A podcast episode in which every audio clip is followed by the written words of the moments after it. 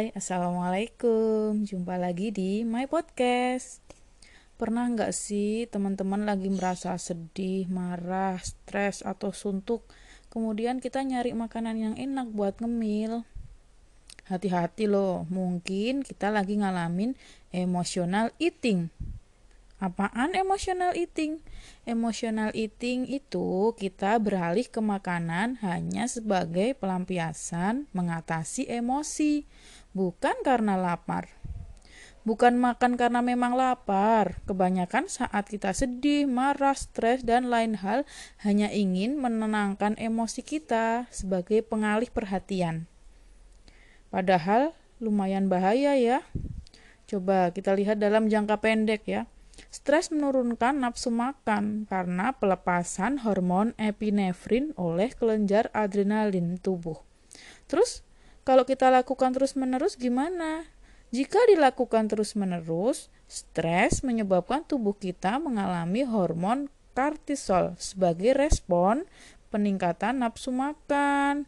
Uh, siapa sih yang mau nafsu makannya banyak? Kalau anak-anak sih nggak apa-apa, pasti orang tuanya seneng.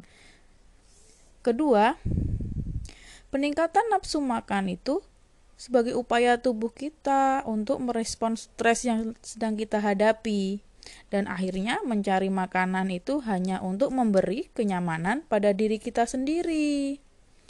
Jadi, ciri utama emotional eating tuh gimana? Yaitu munculnya perubahan pola makan yang berkaitan dengan perasaan negatif seperti kesepian, sedih, gelisah, takut, marah, bosan, dan kebanyakan stres.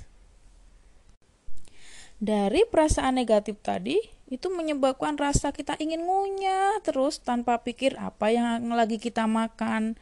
Sudah berapa banyak kita makan? Jika dilakukan terus-menerus secara tidak langsung atau tanpa terkontrol, emotional eating mempengaruhi berat badan kita, kesehatan, dan kesejahteraan kita. Coba kita pikir ya, emotional eating itu kan menyebabkan kenaikan berat badan. Misalnya nih ya, kita e, lagi emotional eating, larinya ke makanan. Terus biar kita ngerasa nyaman, bukan lari karena lapar tadi ya, kita akan rentan mengalami emotional eating. Secara sadar atau tidak sadar, ketika menghadapi masalah lainnya seperti tadi, kita larinya ke makanan. Kita akan menghabiskan banyak makanan tanpa berpikir lagi. Makanan yang dikonsumsi saat emotional eating biasanya adalah yang mengandung banyak kalori, tinggi karbohidrat, gulanya tinggi, seperti es krim, biskuit, coklat, snack, burger. Hmm, siapa sih yang nggak ngiler makan itu? Belum lagi jika karena stres, mungkin bisa lebih dari tiga kali sehari kita dengan makan dalam jumlah yang besar. Nah, ini nih yang menyebabkan kenaikan berat badan, bahkan kegemukan jika terus-menerus. Yuk, kita imbangi dengan olahraga dan konsumsi serat kan ada tuh ya. Orang yang makannya mau banyak mau sedikit 40% itu makan sedikit karena stres. 40% lagi makan banyak karena stres. Sementara 20% mau makan banyak mau makan sedikit dia tidak akan berubah berat badannya. Nah kalau saya sih tergolong makan yang 40 40% tadi makannya banyak kalau stres. Oh iya Pola makan emosional ini dapat terbentuk juga secara tidak langsung loh dari kecil. Contohnya nih ya, orang tua kita menawari makanan saat sedang sedih, kesepian di rumah, lagi boring, atau lagi marah-marah untuk menenangkan kita. Atau dia lagi berprestasi nih, kita hadiahi saat berhasil mencapai sesuatu, melakukan hal yang membanggakan. Ini nih salah satu contoh mendukung perilaku makan emosional juga loh tanpa kita sadari teman-teman. Semoga kita tidak meniru orang tua yang salah untuk menjadikan makanan sebagai hadiah atau hukuman untuk anak kita, supaya kita tidak memberikan contoh perilaku makan emosional. Apa sih bedanya binge eating dengan emotional eating? Tahu nggak teman-teman? Kalau emotional eating itu kita makan dalam jumlah sedang sampai besar. Sementara binge eating itu kita makan dalam jumlah yang besar, terus-menerus, dan lebih cepat. Lebih berbahaya, teman-teman. Yuk, kita simak cara mengatasi emotional eating. Pertama, kita belajar mengenali rasa lapar. Sadari diri kita, tanyakan pada diri kita, apakah kita benar-benar lapar atau tidak, atau hanya sekedar sedang stres atau emosi. Jika yang muncul tanda-tanda perut keroncongan, sulit konsentrasi, dan mudah marah, nah itu mungkin kita mengalami rasa lapar.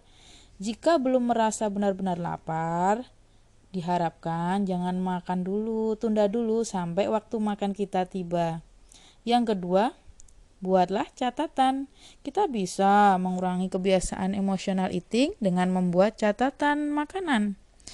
Isinya bisa nulis makanan yang kita makan. Terus suasana hati kita saat makan gimana? I'm happy, oh tulis. Terus apakah benar-benar lapar saat kita makan itu? Terus jangan lupa nih yang penting, catat jam atau waktu saat kita makan.